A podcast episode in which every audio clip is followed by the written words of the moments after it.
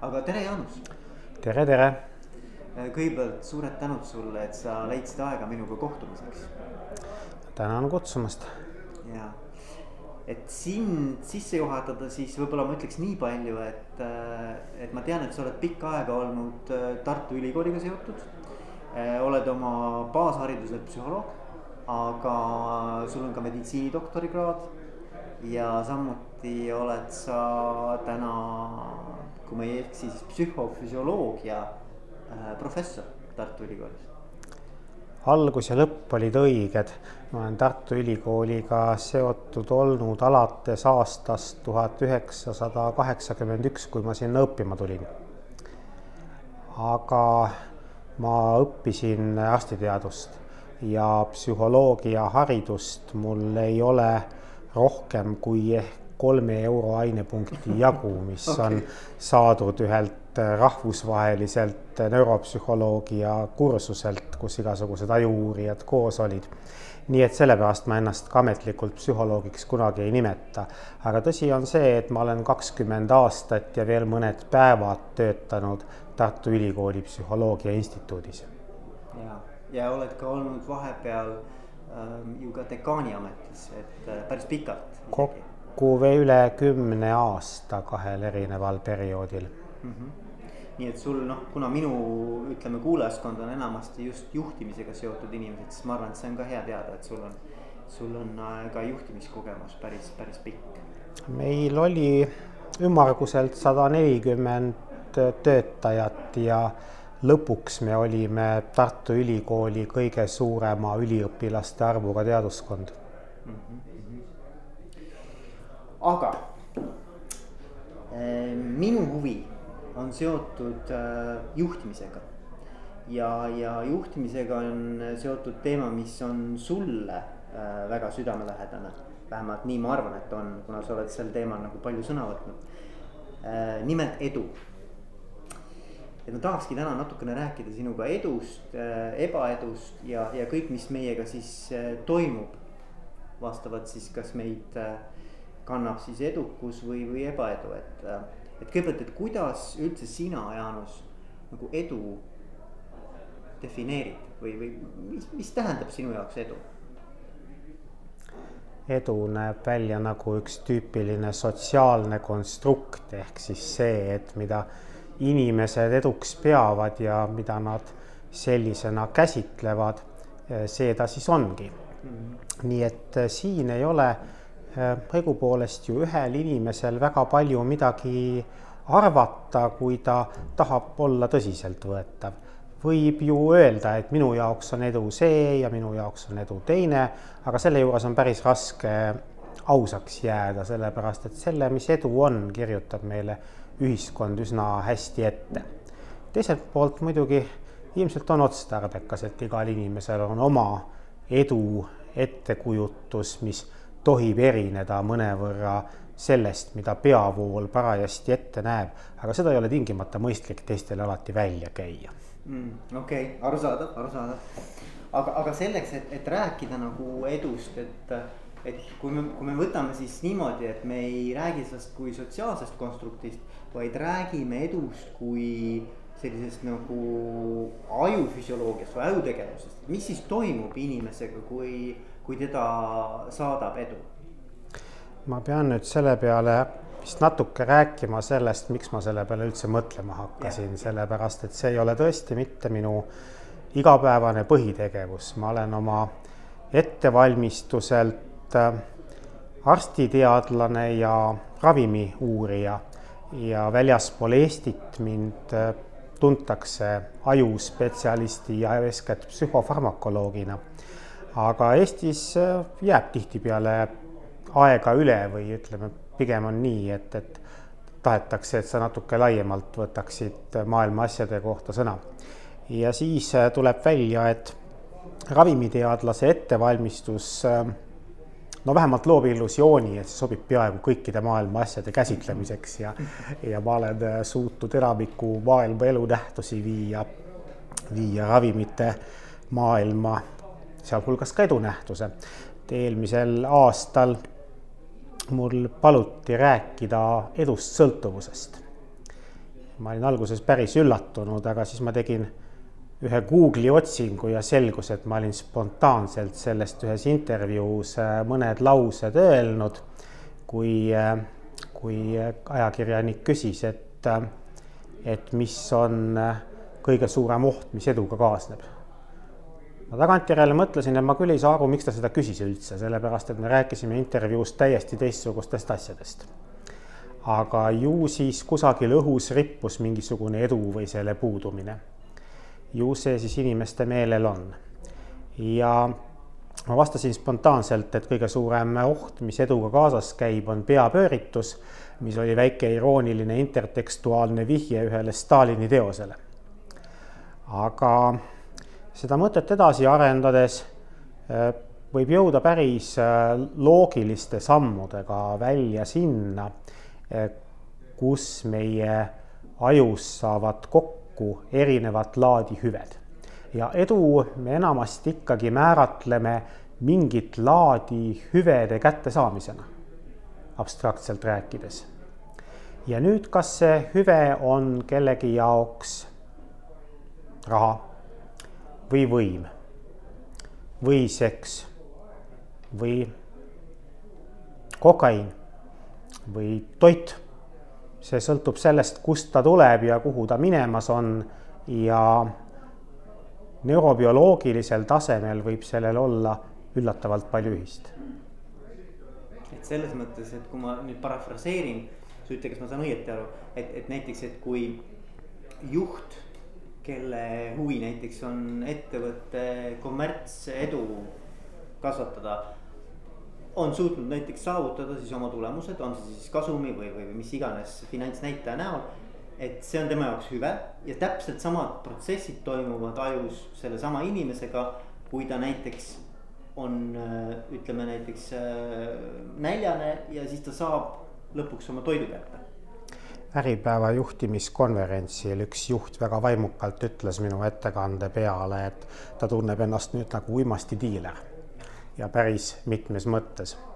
et põhimõtteliselt küll jah, et äh, need äh, asjad, mille poole me pürime, on defineeritud nii, et, et kui me nad kätte saame, siis me oleme edukad ja, ja kui ei saa, siis vist ei olnud. nii et äh, kui on olemas mingi jõud, mis on universaalne eri laadi hüvede poole pürgimisel siis äh, see käibib samamoodi nii siis, kui ettevõte taotleb ta siis kasumit või ta on niisugune altruistlik asi, mis töötab maailma rahu huvides. Äh, või kui ta taotleb midagi täiesti konkreetset igapäevases asjas, ega aju peab kasutama osaliselt samu ressursse mm. -hmm. aga mida siit nagu õppida on või et kuidas, kuidas näiteks juhina äh, mis ma siit, mis tarkust ma enda jaoks siit sellest teadmisest nagu kõrva taha võiksin panna? aa, see on uus väljakutse, mis on muidugi väärikas, sellepärast et, et mida me muud ikka oma teoreetilise teadmisega teame, kui me peaks püüdma kuidagi elu paremaks teha. Esimene, mis mul praegu pähe tuleb, võib-olla just selle tõttu, et, et aeg on hiline ja palju edu on juba täna selja taga, on, on see, et tuleb tunda inimeste piire. seda, et me opereerime füsioloogiliste ressurssidega. võib-olla on see mõte natuke inspireeritud mõnedest sündmustest viimastel kuudel, mis on leidnud meedias ülekordamist. aga tõepoolest, kui me äh, läheme edu poole ja seda me teeme niikuinii siis selle juures peab võtma arvesse, et me teeme seda oma füsioloogilises raamistuses, nende ressurssidega, mis meil ajus on, siis kui neid jätkub, siis seni saab olla edutunne, siis kui neid enam ei jätku, siis paratamatult tuleb niisugune kokkuvarisemise element, kus edust rääkida ei saa või ei taha, isegi kui ta olemas on, välise kõrvaltvaataja jaoks. siin vahel niisugune konflikt võib tekkida ja selle peale ilmselt peab juht mõtlema ka äh, nende inimeste osas, kes äh, tema hooleks on ja kellest ka tema edu sõltub. et kas äh, need inimesed tajuvad seda edu, mis parajasti ja loodetavasti on, tegelikult ka eduna või ei ole neil selleks enam jaksu, et edu üle rõõmu tunda. ma peaksin sellest vist ise ka homme natukene oma töörühmas mõtlema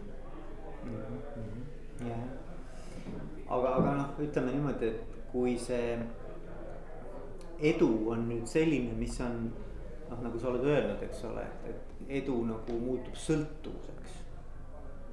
et kui seda kirjeldada, et mis siis inimesega toimub, et, et ma arvan, et kogu meie ühiskond on üles ehitatud tegelikult ju edu sellise unelma või fantaasia peale. et, et, et kui siis nii-öelda sind kannab see edukus piisavalt pikalt et mis, mis, mis, mismoodi see sõltuvus tekib või räägi natuke sellest ka. ja, ja no kui ma nüüd teaksin, et kui proua Aira Tammemäe mind kutsus edust sõltuvusest rääkima, siis, siis ma vaatasin küll teaduskirjandusse korraks sisse.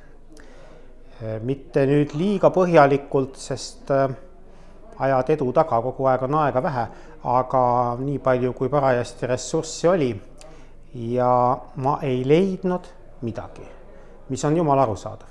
sellepärast, et me ei käi ringi ja ei otsi edukaid inimesi selleks, et neid skännerisse panna ja nende aju vaadata.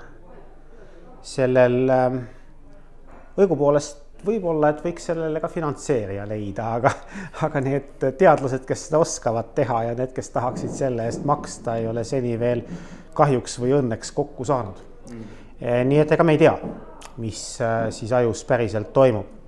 aga need paralleelid, mis edust sõltuvusega ja näiteks uimastist sõltuvusega või mõne muu niisuguse sõltuvusega, mis hakkab minema psühhiaatrilise diagnoosi alla, äh, koos käivad, on päris äh, silmatorkavad.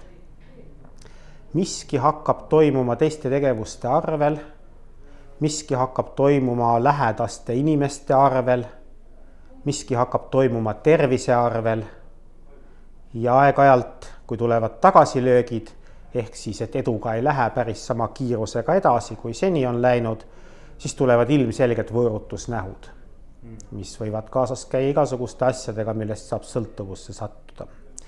ja nii palju, kui me täna nüüd siis teame sõltuvusest ja ajust, üht-teist me teame seal ajus on niisugused protsessid, mis, mis ikka sõltuvuse puhul on korrast ära läinud.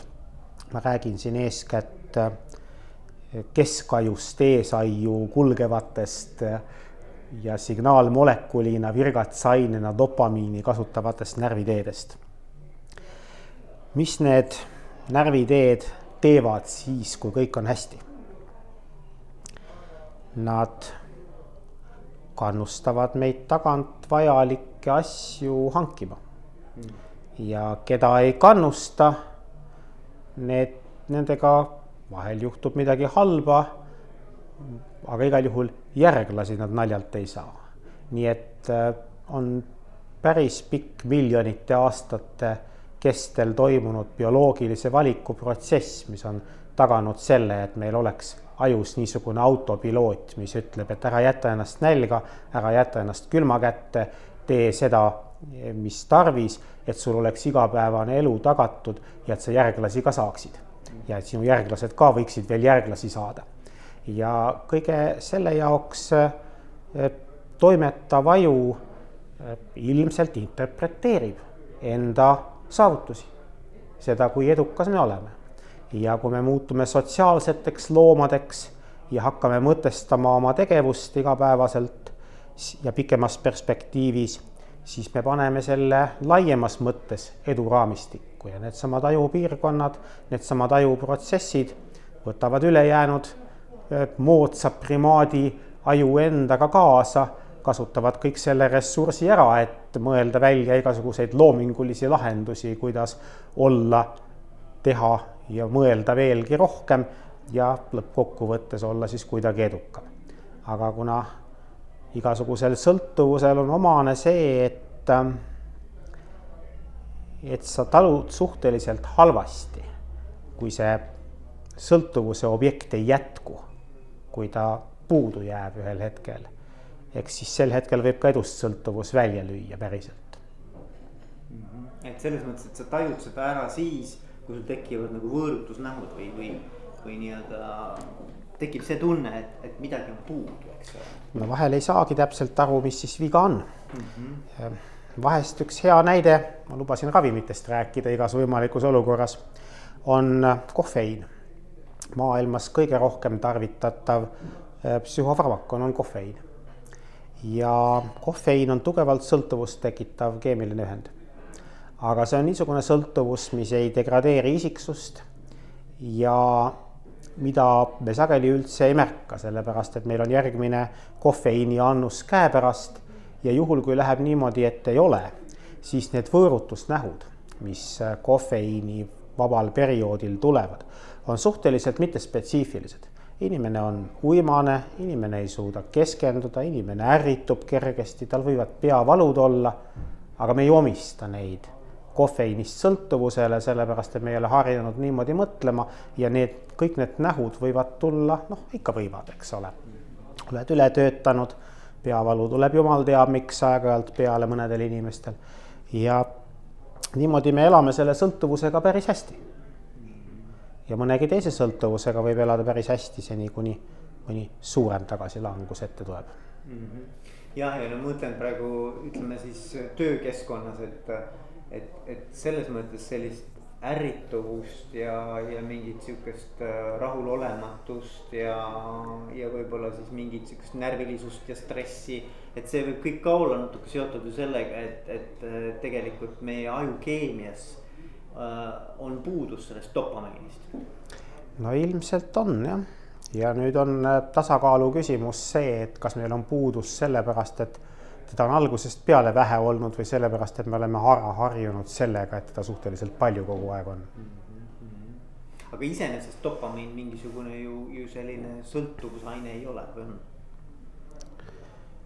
meil ei ole mõtet teda sisse võtta, sest ta ei pääse aiu mm ta peab ajust tekkima. see on nagu sihuke loo, ütleme mitte looduslik, aga ütleme sihukene organismi enda poolt naturaalselt. Äh, jah, ta on äh, virgatsaine, ta on niisugune keemiline aine, mida ühed närvirakud selleks teevad, et nad saaksid teisele närvirakule midagi öelda mm. -hmm. kogu meie psüühika on suure hulga närvirakkude omavahelise organiseeritud suhtlemise tulemus ja nende keeled on keemilised mm. -hmm aga kui me nüüd räägime teisest poolest, ma arvan, et see on väga huvitav, et mis on siis eba, ütleme siis ebaõnnestumiste puhul selline ajutegevus või, või, või kuidas, see väljendub nii-öelda meie sellises ajukeemias?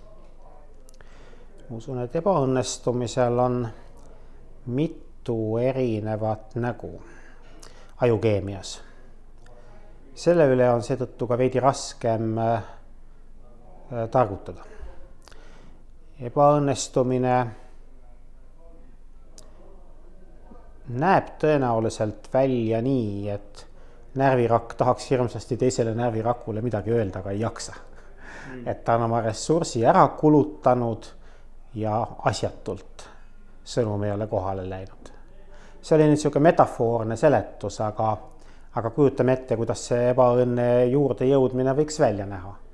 arvatavasti saab inimene mõnevõrra varem aru, enne kui ta ennast ebaõnnestunuks loeb, et asjad päris nii hästi, nii edukalt ei lähe, kui seni on ja siis ta hakkab kas rohkem pingutama või vähemalt rohkem mõtlema selle peale, et oleks vaja rohkem pingutada. ja selle käigus kulutab ära jällegi ta vajalikku ressurssi, mis tal pea sees on ja küllap seda siis ei tulnud piisavalt palju peale, kui ikkagi ei õnnestunud teha seda ära, mis tarvis. kui nüüd lihtsalt ei ole nii jällegi, et keskkond muutus väga ebasoodsaks. keskkond vahel muutub ja, ja siis äh, me oleme erinevad ka. Äh, mõni inimene suudab ilmselt enda närvirakkudega koos piisavalt hästi selgusele jõuda, et äh, see, et enam sama hästi ei lähe, tuleneb mingist välisest paratamatusest. ja kunagi oli inimestel, no ka täna on mitmel pool maailmas paljudel inimestel selle jaoks alati mingi hea seletus kuskilt kõrgemalt võtta ja see tõenäoliselt aitab neil paremini vaimses tasakaalus püsida. aga kui sa oled nüüd üksi jäetud inimene, kellele on kogu elu seletatud, et mingeid kõrgemaid jõude ei ole ja kõik on sinu enda kätes ja sa kõige eest vastutad ise ja mitte kuidagi ei tule midagi välja, siis see ilmselt kulutab ära psüühilised ressursid ka sõna otseses mõttes keemiliselt. ehk siis sul saavadki need virgatsained otsa, neid ei teki nii palju juurde, kui kui närvirakud äh, tahavad välja karjuda ja siis tuleb ühel hetkel mingi depressioon. see päris äh, äh, selline abstraktne heietus ei olnud. me saame tegelikult modelleerida depressiooni loomkatsetes nii, et me tühjendame mõnede virgatsainete depood selliste ravimitega, mis seda teevad ja siis me näeme sellist tüüpilist depressiooni pilti, mille kõrvaldamiseks on vaja siis teisi ravimeid, mis suudavad selle süsteemi uuesti käima panna. et keegi sellist asja nüüd hakkaks tegema igapäevaelu elavate inimestega, kes on rohkem või vähem edukad, ma usun, et tänase päeva seisuga ükski eetikakomitee ei, ei võta niisugust inimkatset äh, väga kergekäeliselt äh, kuulda ja loomade peal seda modelleerida ma ei ütle, et see võimatu on, aga on äh, mõnevõrra keeruline mm. -hmm. aga ütle, Jaanus, kui palju on inimesel endal võimalik siis ütleme nii-öelda nagu ümber mõtestada ja sellega ka siis oma ajutegevust tegelikult mõjutada. et mis on õnnestumine ja mis on ebaõnnestumine, et sa, sa enda jaoks defineerid või määratled ümber selle lihtsalt. jah, jah, sellele küsimusele vastus vist sõltub sellest, et mis koolkonna esindaja keegi on ja mis tööd keegi teeb ja mille, millega ta elatist teenib. mina ravimiuurijana võin endale lubada igasuguseid vastuolulisi mõtteid, sealhulgas seda, et äh, igat moodi võib olla, et äh, ma ei välistaks seda, et äh, sky is the limit, et põhimõtteliselt on võimalik ennast ümber programmeerida ikka päris täielikult. Aga ma ei usu, et see väga tihti juhtuma saaks tegelikus maailmas, kus inimesed on endale põletanud aiu sisse teatud äh, toimimisrajad ja üks kõige inimlikumaid, loomalikumaid, looduslikumaid käitumise reegleid on harjumuspärane käitumine. väga raske on harjumusest välja tulla, see ei ole võimatu, aga statistiliselt juhtub seda piiratud äh, ulatuses.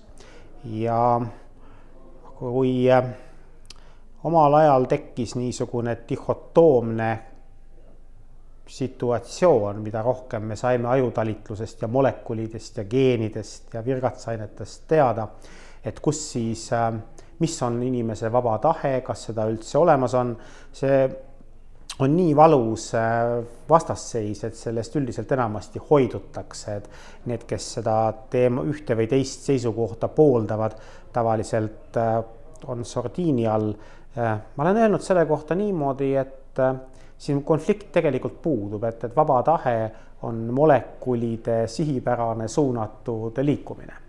et kui me midagi oma vaba tahtega äh, korda saadame, siis selleks me lihtsalt ütleme oma molekulidele, kuidas nad käituma peavad mm. -hmm. ja selle teoreetiline piir on ju termodünaamika teine seadus ja rohkem piire ei olegi see on veel suurem vabadus, kui, kui öelda, et, et taevas on piiriks. iseküsimus on nüüd see, et kuidas selle reeglini praktikas võiks ka välja jõuda. ja, ja siin me näeme, et aju on piisavalt laisk olend, et, et mitte hakata eh, liiga keerulisi asju ette võtma, liiatigi tal võib õigus ka olla, sest ega ta ette ei tea, kas õnnestub ja siis võib olla kasulik lihtsalt energiat konserveerida ja loota, et tulevad paremad ajad mm. väga huvitav sellesama, sama teema jätkuks on see, et, et, et tippsportlased näiteks kasutavad hästi palju visualiseerimist. Et, et mm. nagu ennast viia sellesse seisundisse ja nii-öelda nagu vaimusilmas käia läbi oma sooritus. ja perfektselt ja tegelikult ega meie aju ju ei tee vahet. ma ei tea, vähemalt mulle on nii räägitud, et meie aju ei tee vahet kas sa päriselt nüüd jooksed see sada meetrit või sa jooksed selle nii-öelda hästi elavalt nagu vaimusilmas läbi. et tegelikult täpselt sama nii-öelda kogu see protsess toimub sul äh, ikkagi mm. füsioloogiliselt mm.. Ma ei ole selle asja asjatundja, ma pakuksin, et äh, selles mõttes on vahe, ikka vahe on ka olemas, aga et äh, see inimene, kes on ikka juba jooksnud mõned korrad mm, -hmm, saab seda simuleerida küll nii, et ta aju harjutab nii-öelda edasi ja et sellest on kasu ka. Äh, ma ei soovitaks kellelgi hakata harjutama spordi tegemist enne, kui ta on füüsiliselt ka proovinud virtuaalses reaalsuses seda teha et, et enne võiks olla see motoorne rutiin juba nendes ajumehhanismides sees, mis tõepoolest on nii-öelda implitsiitse mälu kandjaks, ehk siis selle, selle mälu, mida me ei teadvusta, mis ongi selline motoorne mälu, mille kohta me ütleme, et jalad viivad meid õigesse kohta või et käed teavad ise, kuidas midagi teha.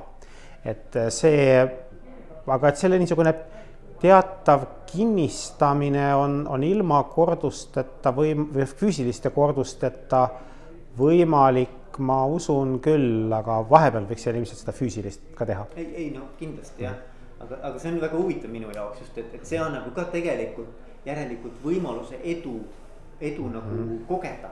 kuna mm -hmm. sa vaimusilmas käid edukalt, noh, sa ikkagi võidad, eks ole. Sa teed selle rutiini läbi mm, -hmm. sooritus on nagu suurepärane. no neid inimesi me tunneme kõik, kes räägivad oma kunagisest edust väga palju kordi seltskonnas ja, ja, ja, ja.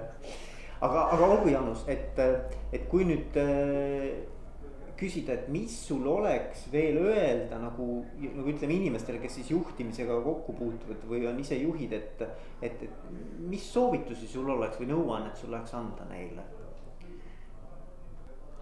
Olukorra jälgimine on see asi, mida, mida ma aju-uurijana mõtlen, et, et on oluline. Neid selliseid üldisi juhtimissoovitusi me saame nüüd erinevatest õpikutest ja muudest allikatest eh, ilmatu palju. ja kui ma juba Stalinit tsiteerisin, las ma siis tsiteerin Leninit ka lõpuks, kes ju teatavasti otsustavalt hälbis marksismist revolutsioonilise praktika mõttes öeldes, et, et kõik senised teooriad on mõeldud igaks ajaks igas kohas ja seetõttu ei kõlba nad kasutada mitte kunagi mitte kuskil. ja kasutas hiilgavalt situatsiooni, et äh, maailm on igavesti mitmekesine. Äh, mina tean natukene rohkem geenidest kui keskkondadest, olles loodusteadlane omaenda igapäevaselt tegevusalalt ja ma tean seda mitmekesisust, mis seal valitseb. olles natukene sotsiaalteadlaste maailmas metatasandil talitanud, ma äh, suudan ette kujutada, et seegi maailm, kuigi võib-olla mitte nii mitmekesine, kui sotsiaalteadlastele mõnikord meeldib ette kujutada, on ikkagi ka päris, äh, päris palju võimalusi pakkuv. ja kui me kõik need võimalused omavahel läbi korrutame, siis äh, noh kõiki juhtimisprintsiipe korraga kasutada ilmselgelt ei saa. aju on üks lihtne asi, aga ka tal on omad toimetamisviisid erinevate olukordade jaoks. ma arvan, et looduselt me saame õppida seda, et äh, situatsiooni hinnang ja sellest lähtuvalt talitamine on äh, asi, mille igaüks ära omandab, kui ta edukas on hmm.. Kuule, aga aitäh sulle, Jaanus. aitäh